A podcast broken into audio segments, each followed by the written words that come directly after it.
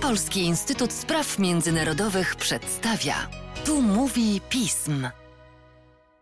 W podcaście Polskiego Instytutu Spraw Międzynarodowych witam Państwa Łukasz Jasina, a dziś podcast, y, właściwie druga część podcastu 216 sprzed kilku dni z naszymi ekspertami od spraw imperialno-postimperialnych, bo jedno państwo jest imperium, a drugie trochę postimperium, Marcinem Przychodniakiem i Przemkiem Biskupem. Dzień dobry panowie.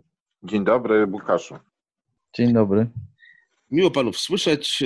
A wracamy do Hongkongu, a dokładniej do tego, co się wokół Hongkongu dzieje, bo ta sprawa, o której przed kilkoma dniami mówiliście, związana z, z ich z hongkongskimi zamieszkami, z tamtejszymi zaburzeniami, z odezwaniem się w tej sprawie, wygłoszeniem pewnych oświadczeń przez Wielką Brytanię, dalej, dalej trwa i żeby nie strzępić języka, panowie, bo, bo nie ma nic gorszego niż konferencjerka, kiedy trzeba pokonać o merytoryce, oddaję od razu wam głos i zaczniemy od ciebie, Marcinie. Jak w tej chwili sytuacja w Hongkongu po uchwaleniu już chińskiej ustawy e, w dużej mierze tą autonomię znoszącą e, wygląda? No, sytuacja rozwija się dynamicznie, że tak powiem. Po myśli Chińskiej Republiki Ludowej która notabene troszeczkę y, bardziej chciała być i nazywa sama siebie mocarstwem niż im jeszcze jest, ale na pewno aspiruje.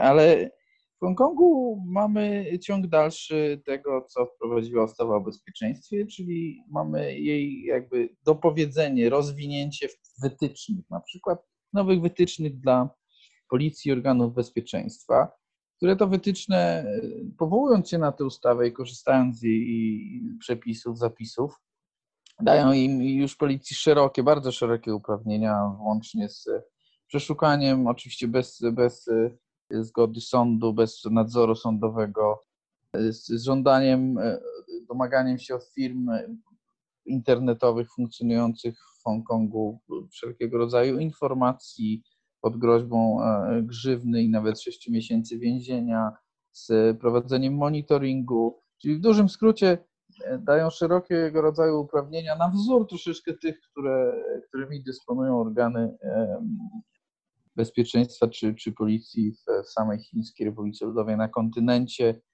jakby które troszeczkę wprowadzają e, sytuację uczynią sytuację w Hongkongu podobną do tej na kontynencie e, w kontekście e, jakby swobód czy, czy możliwości e, funkcjonowania bez kontroli państwa.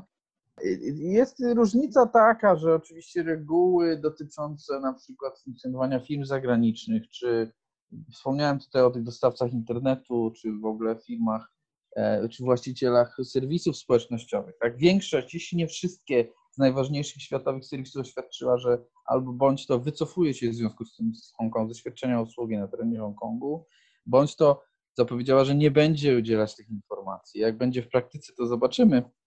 Natomiast czy Facebook, Google, czy nawet TikTok, to jest ciekawe, firma właściciela chińskiego, że tak powiem, czy nie, że tak powiem, firma chińska również takie oświadczenie złożyła w, w, Hongkongu jest o tyle inaczej, że w Chinach są dodatkowe obwarowania związane z tym, tam trzeba, każdy użytkownik musi się zarejestrować z użyciem swojego, e, nazwijmy to, dowodu osobistego, dane trzeba przechowywać 5 lat. Tego typu, tego typu e, dotychczas e, regulacji w Hongkongu nie było, być może pojawią się dopiero. Powstał w Hongkongu też oczywiście wielką pompą komitet na rzecz zabezpieczenia funkcjonowania bezpieczeństwa państwowego, czyli do spraw realizacji tej nowej ustawy ten, e, że komitet przejął na swoją rzecz e, jeden z hoteli w centrum Hongkongu, w którym będzie obecnie funkcjonował. To się odbyło oczywiście z wielką pompą. No i do tej nowej rzeczywistości, e, w której policja ma dużo większe uprawnienia, a sądy praktycznie niewielki nadzór nad tym, co organa robią, powoli dostosowują się mieszkańcy tego miasta czy regionu, generalnie rzecz biorąc. E, stosując taką, e, czy z jednej strony e, nie chcąc rezygnować z protestów czy z wyrażania swojego niezadowolenia, a z innej strony troszeczkę będąc pozbawionym już jakichkolwiek możliwości legalnego tak naprawdę, zgodnego z prawem Hongkongu, wyrażania swojej niezgody na politykę, czy to HRL, czy władz Hongkongu. Stosują taką teraz piękną zasadę małego księcia, czyli co najważniejsze, jest niewidoczne. Czyli zamiast haseł, zamiast transparentów noszą, noszą białe kartki, e, które jakby starając się właśnie ominąć te zapisy i jakby nie dostarczać policji, czy sąd, czy organom bezpieczeństwa E, pretekstu do tego, żeby e, ich karać za te wystąpienia. Sondaże wstępne dość mało reprezentatywne, bo na niskiej próbie robione, ale jednak coś pokazujące mówią o tym, że około 50% zastanawia się nad wyjazdem, znaczy nie wyklucza, a wręcz jest zainteresowana opuszczeniem regionu. To oczywiście jest inna rzecz chcieć, a inna rzecz móc. W związku z tym pewnie e, ten jakby proceder czy, czy, czy, czy proces będzie mniejszy niż 50%, e, ale jednak pokazuje, że, że ta opcja jest też mocno rozważana. No, świat troszeczkę też na to odpowiada. Znaczy, ta, ta, ustawa rzeczywiście to jest taki, myślę, że nadużywa się tego stwierdzenia, ale jest to pewien game changer, że tak powiem. Jest to, jest to rzeczywiście ten kamień milowy, pewna czerwona linia, którą HRL przekroczyła w tym kontekście, znaczy kończąc rzeczywiście z, z zasadą jedno państwo, dwa systemy i jakby zmieniając zupełnie reguły gry w Hongkongu. Więc e, świat na to reaguje bardziej lub mniej zdecydowanie. E, Przemek powie za chwilę o Wielkiej Brytanii więcej. Ja wspomnę tylko o Australii na przykład, czy Kanadzie. Oba te państwa zawiesiły na przykład umowę o ekstradycji z Hongkongiem, obawiając się, że ich obywatele, bo ta ustawa, jak powiedzieliśmy w poprzednim podcaście, również e, może służyć ściganiu obywateli innych państw, więc te państwa zawiesiły umowę o ekstradycji. Australia też rozszerzyła e, okres obowiązywania wiz dla pracowników z Hongkongu i studentów, którzy są w Australii, jako pewien element do możliwości uzyskania zgody na stały pobyt w przyszłości.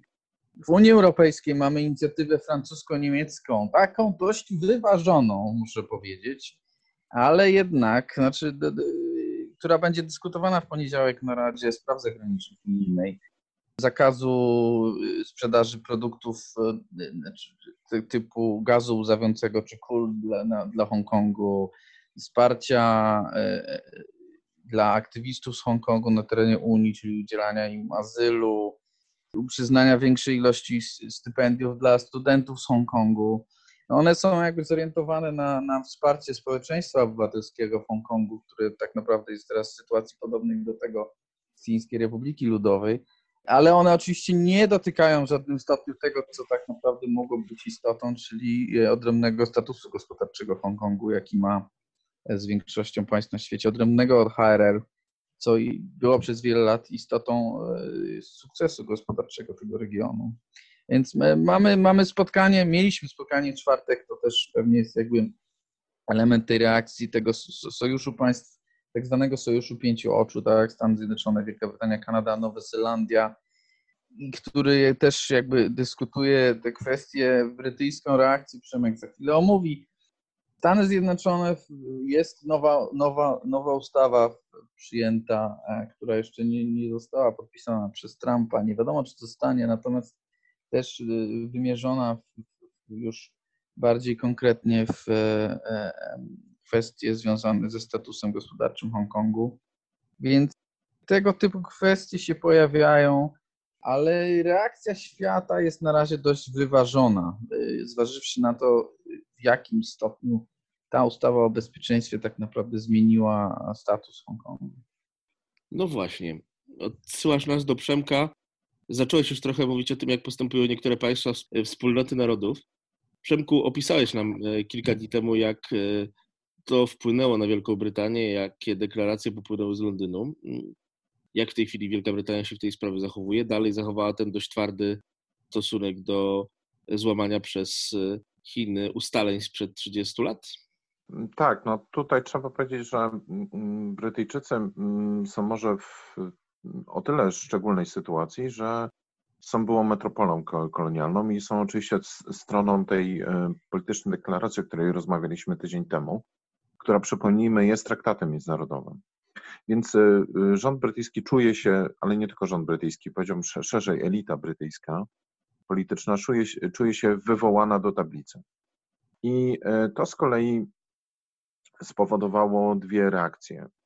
Pierwsza to jest oświadczenie sprzed tygodnia Borisa Johnsona o wprowadzeniu ułatwień w zakresie przedłużenia, analogicznie do tego, co mówił Marcin o Australii i Kanadzie, przedłużenia okresu pobytu y, na terenie Wielkiej Brytanii, tak zwanych e, British Nationals Overseas, czyli takiej kategorii obywatelstwa brytyjskiego, która została stworzona w latach 90. specjalnie dla obywateli Hongkongu i mają y, około 3 milionów osób.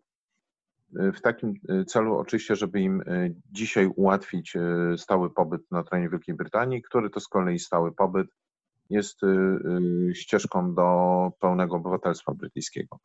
Tutaj znowu warto zwrócić uwagę, że nieco zwodniczo ten tytuł British Nationals Overseas nie oznacza pełnego obywatelstwa brytyjskiego, nigdy nie oznaczał, y, z powodu, mówiąc zupełnie wprost, obaw przed nagłym zjawieniem się znaczącej części populacji Hongkongu w Wielkiej Brytanii. Oznaczał natomiast prawo do opieki konsularnej y, brytyjskiej wszędzie poza Wielką Brytanią, czyli za granicą, na terenie państw trzecich, bez i pewne ułatwienia w ramach procedur wizowych przy przyjeździe do Wielkiej Brytanii. Natomiast nie oznaczał zniesienia obowiązku wizowego i nie oznaczał tym bardziej e, jakichś e, szczególnych ułatwień w zakresie samego pobytu w Wielkiej Brytanii, jeżeli chodzi o okres, e, okres pobytu na podstawie wizy. W tej chwili to się może trochę zmienić, ale ja bym tego akurat nie przecenia. Uważam, że to jest taki gest typowo, typowo polityczny, chęć pokazania, że Wielka Brytania coś robi w tej sprawie. Jeszcze tutaj przypomnijmy, że akurat te osoby, na których Brytyjczykom zawsze zależało z Hongkongu, czyli studenci elitarnych kierunków, biznesmeni, osoby, które wnosiły do gospodarki brytyjskiej jakiś naprawdę istotny wkład, one zawsze miały y, osobne systemy ułatwień y, wizowych i pobytowych, albo tak zwaną złotą wizę przy, w przypadku biznesmenów, albo ścieżkę poprzez ułatwienia wizowe dla studentów i następnie absolwentów uczelni brytyjskich, którzy starali się w Wielkiej Brytanii o, o pierwszą pracę. Natomiast to, co wydaje mi się, że jest naprawdę istotne, i będzie miało trwały y, efekt, to, y, to właśnie ten game changer w zakresie percepcji y, polityki chińskiej. Tutaj takie powiedziałbym wstępne wstrząsy nastąpiły w okresie pandemii COVID-u. Zwłaszcza powiedziałbym, dwie rzeczy były na tym etapie bardzo istotne. To znaczy, po pierwsze, uświadomienie sobie powszechne przez polityków i przez opinię publiczną skali uzależnień od łańcuchów produkcyjnych y, opartych o, o Chiny. Z drugiej strony, no, mówiąc y, bardzo łagodnie, dyplomatycznie, skala powiedzmy niedoinformowania państw trzecich o tym, co się dzieje w Chinach pod względem epidemiologicznym na tym wczesnym etapie, tak, w pierwszym kwartale bieżącego roku. Te okoliczności na przykład nie zablokowały decyzji z końca stycznia rządu brytyjskiego, żeby zezwolić, e, pomimo ogromnego nacisku Stanów Zjednoczonych, zezwolić na udział e, firmy Huawei e, w sieci 5G. Więc to było ważne, ale nie było decydujące. Natomiast w częściowym wymiarze, przepraszam, że wejdę tak, słowo, tak. Częściowym wymiarze. Tak. tak, to zresztą odzwierciedlało pewien wewnętrzny konsens brytyjski. Ten wymiar zresztą był dosyć znaczny, 35%. Tak, Pamiętajmy, tak. że po tym jak Huawei osiągnęłoby ten pułap, przypuszczalnie Brytyjczycy i tak znaleźliby się w sytuacji braku możliwości odwrotu. Tu warto jeszcze zwrócić uwagę, że Huawei zastąpił mniej więcej 10 lat temu brytyjską firmę Marconi w dostawie takiego podstawowego sprzętu dla sieci, y, wcześniejszych sieci komórkowych, wcześniejszej generacji. I w zasadzie właśnie dzisiaj po 10 latach to możemy ocenić, że to była decyzja y, o zastąpieniu dostaw Marconi przez Huawei to była decyzja właśnie mm, krytyczna o takim braku możliwości powrotu do status quo ante.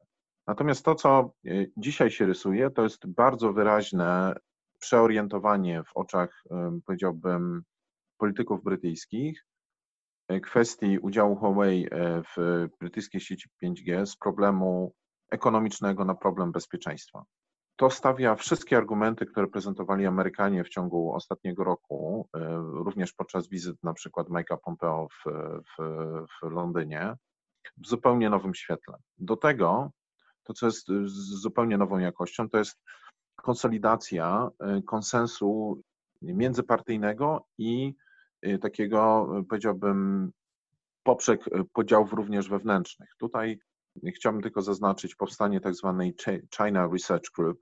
To jest formalnie organizacja mm, posłów Partii Konserwatywnej, która skupia w sobie przedstawicieli wszystkich kluczowych frakcji tej partii, od takiej twardej prawicy i Iana Duncana Smitha, osoby o bardzo eurosceptycznych poglądach, po e, Chrisa Pattena, ostatniego gubernatora Hongkongu i przedstawiciela tego lewego, liberalnego skrzydła.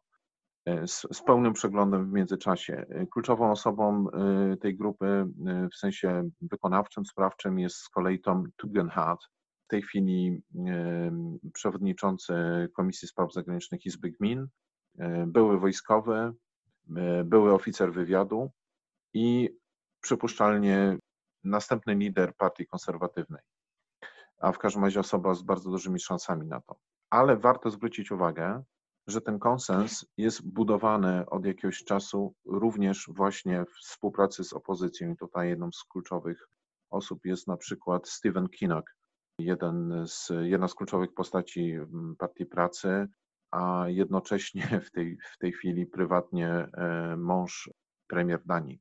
E, więc e, wydaje się, że, y, że tutaj doszło do naprawdę bardzo mocnego zderzenia takiej optyki mm, rządu osadzonej w pewnej logice ciągłości decyzji e, opartych o, o policy, jeszcze wypracowaną w czasach pani May i, i pewną bezładność biurokratyczną z zupełnie nową dynamiką polityczną. I y, y, Skutkiem tego w ostatnich dniach są zapowiedzi mm, zawytowania w Izbie Gmin i w Izbie Lordów albo wprowadzenia tak zwanych niszczących poprawek do ustawy, która będzie dotyczyła ustroju 5G w, Wielkiej Brytanii.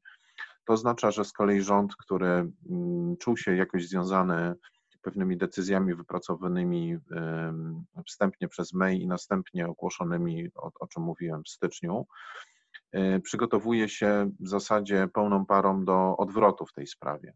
W tej chwili to, co leży na stole, to jest e, po pierwsze wprowadzenie zakazu e, zakupu nowego sprzętu firmy Huawei i innych firm chińskich już od roku 2022 i następnie obowiązek wyrugowania tego sprzętu, który wcześniej zakupiono i który funkcjonuje w sieci, i tutaj różne daty się pojawiają. Od roku 2029, za czym optują głównie firmy telekomunikacyjne, argumentując, że to będą po prostu ogromne koszty, po rok 2025, więc raptem w ciągu trzech lat. Jak to się skończy mm, dokładnie, to wydaje mi się, że jeszcze w tej chwili trudno przewidzieć. Natomiast y, moim zdaniem nie ulega wątpliwości, że w tej chwili politycy brytyjscy y, kolegialnie, jako klasa polityczna, podjęli decyzję, że uznają y, argumentację amerykańską, że w tej sprawie naprawdę zmieniają front i Chiny przestają być zaufanym partnerem w sprawach przynajmniej dotyczących twardego bezpieczeństwa, no jakby zachodzących o to twarde bezpieczeństwo. Tutaj jeszcze kończąc, dodałbym jedną rzecz. Gazeta, która jest bardzo silnie związana z partią konserwatywną, The Telegraph, e, opublikowała wczoraj artykuł, e, w którym donosi, że donosi na razie nieoficjalnie, że również zmieniła się ocena zdolności brytyjskich do monitorowania na bieżąco zagrożeń e, cybernetycznych związanych z obecnością Huawei w systemie, w przyszłym systemie 5G wystawiona przez e, e, Narodowe Centrum e, Cyberbezpieczeństwa. I tu trzeba podkreślić, że ta wcześniejsza pozytywna ocena była podstawą najpierw decyzji pani May z maja 2019 roku, żeby dopuścić Huawei do udziału w sieci 5G i następnie pod, podtrzymanie jakby tej kierunkowej decyzji przez Johnsona jeszcze w styczniu. Jeżeli ta decyzja mm, rzeczywiście, mm, znaczy, przepraszam, ta ocena rzeczywiście się zmieni, to, to będzie doskonały pretekst dla Johnsona, żeby wycofać się z tych decyzji z, z, styczniowych. Marcinie, coś jeszcze? Tak, tak, dwa zdania jeszcze e, myślę, bo warto też powiedzieć, ja co na to Chińczycy. Do, do, do, dodałbym też e, a, a propos publikacji brytyjskiej prasy, mieliśmy jakiś czas temu również bardzo interesujące artykuły na temat, jak to powiedzieć delikatnie, grup lobbyingowych, w, w, w których, z których udziałów, w których obecnie zdaje się premier Tony Blair na przykład się bardzo gęsto próbuje tłumaczyć prochińskich grup, które w jakimś sensie finansowane czy wspierane przez Chińczyków tworzone są w, w ramach tej brytyjskich elit w, w, tym celu, żeby jakby wspierać relacje chińsko-brytyjskie, pozytywne relacje chińsko-brytyjskie oczywiście, więc ten trend dotyczący, a bardziej dyskusja dotycząca zmiany polityki Wielkiej Brytanii wobec Chin jest e, naprawdę szeroka e, obecnie. E, co na to Chiny? Mieliśmy kilka dni temu bardzo interesujący, chociaż niewiele zmieniający wywiad, który go udzielił ambasador chiński w Wielkiej Brytanii, pan Liu Xiaoming, który jest dość e, jednym z bardziej aktywnych ambasadorów chińskich na świecie w kontekście i mediów społecznościowych, ale także dość często e, pojawia się, co nie jest tak co jest jednak rzadkością, pojawia się w brytyjskich mediach, czy to w telewizji, czy, czy organizuje konferencje prasowe. W każdym razie nie boi się bezpośredniego kontaktu z dziennikarzami brytyjskimi, którzy, którzy jak wiadomo, potrafią zadawać niewygodne pytania. I on, on odpowiedział, ocenił całą sytuację dość ostrożnie. Pewnie też dlatego, z, z, tego powodu, że jak Przemek mówi, że nie do końca jeszcze wszystko jest jasne i nie chciałby też pewnie palić za sobą wszystkich mostów, ale to była taka ocena e, oczywiście krytyczna, natomiast bez jakichkolwiek konkretnych gruźb czy ostrzeżeń. Tak? Oczywiście powiedział, że Chiny będą starały się blokować wyjazd, znaczy rozważają blokadę wyjazdu tych e, British National Overseas z Hongkongu do Wielkiej Brytanii, ale z drugiej strony nie określił konkretnie w jaki niby sposób miałyby to robić. Moim zdaniem e, praktycznie nie ma takiej możliwości, chyba że w ogóle zamkną granicę i uniemożliwią wylot, gdyż bezpośrednia identyfikacja na granicy takich osób jest raczej niemożliwa. Więc e, jak na razie Chińska Republika Ludowa reaguje na to, co się dzieje w Wielkiej Brytanii, przynajmniej publicznie i oficjalnie, bo tego, co się dzieje zakulisowo, e, jak na razie nie wiemy. Dość ostrożnie. Panowie, myślę, że zbiera się nam powoli materiał na trzeci podcast we trójkę na ten temat. Kronika, kronika postopiumowa, przepraszam za takie określenie, zaczęły się te wszystkie rzeczy od wojny opiumowej i wraca ten Hongkong jako główny problem w relacjach e, dla e, Wielkiej Brytanii z Chinami na długi, chyba długi okres. Co ciekawe, że dorzucę ostatnie zdanie. Dorzucaj. Wrócił, wrócił tak naprawdę tylko ze względu na działania Chińskiej Republiki Ludowej. To jest bardzo ciekawe. No cóż, tak, tak, tak. tak. Przemku? Znaczy, wydaje mi się, że to też warto podkreślić, że mm, to właśnie działania chińskie są absolutnie kluczowe w mm, zburzeniu starego konsensu, który uosabiał y, zwłaszcza kanclerz skarbu w rządzie Camerona George Osborne, nowego wspaniałego, y, nowej wspaniałej ery w relacjach y, brytyjsko-chińskich i budowanie tego nowego konsensu. To jest naprawdę zwrot w ciągu mniej niż dekady o 180 stopni i ten zwrot nie byłby możliwy bez zwłaszcza obecnych bardzo agresywnych działań z zakresu bezpieczeństwa, nazwijmy to w Hongkongu i cyberbezpieczeństwa na terenie Wielkiej Brytanii i państw partnerskich. Panowie, życzę Wam miłego dnia z tego, co nam z tego dnia zostało, a Państwa zapraszam do śledzenia chińskich coverage Marcina Przychodniaka i brytyjskich Przemka Biskupa też już wkrótce.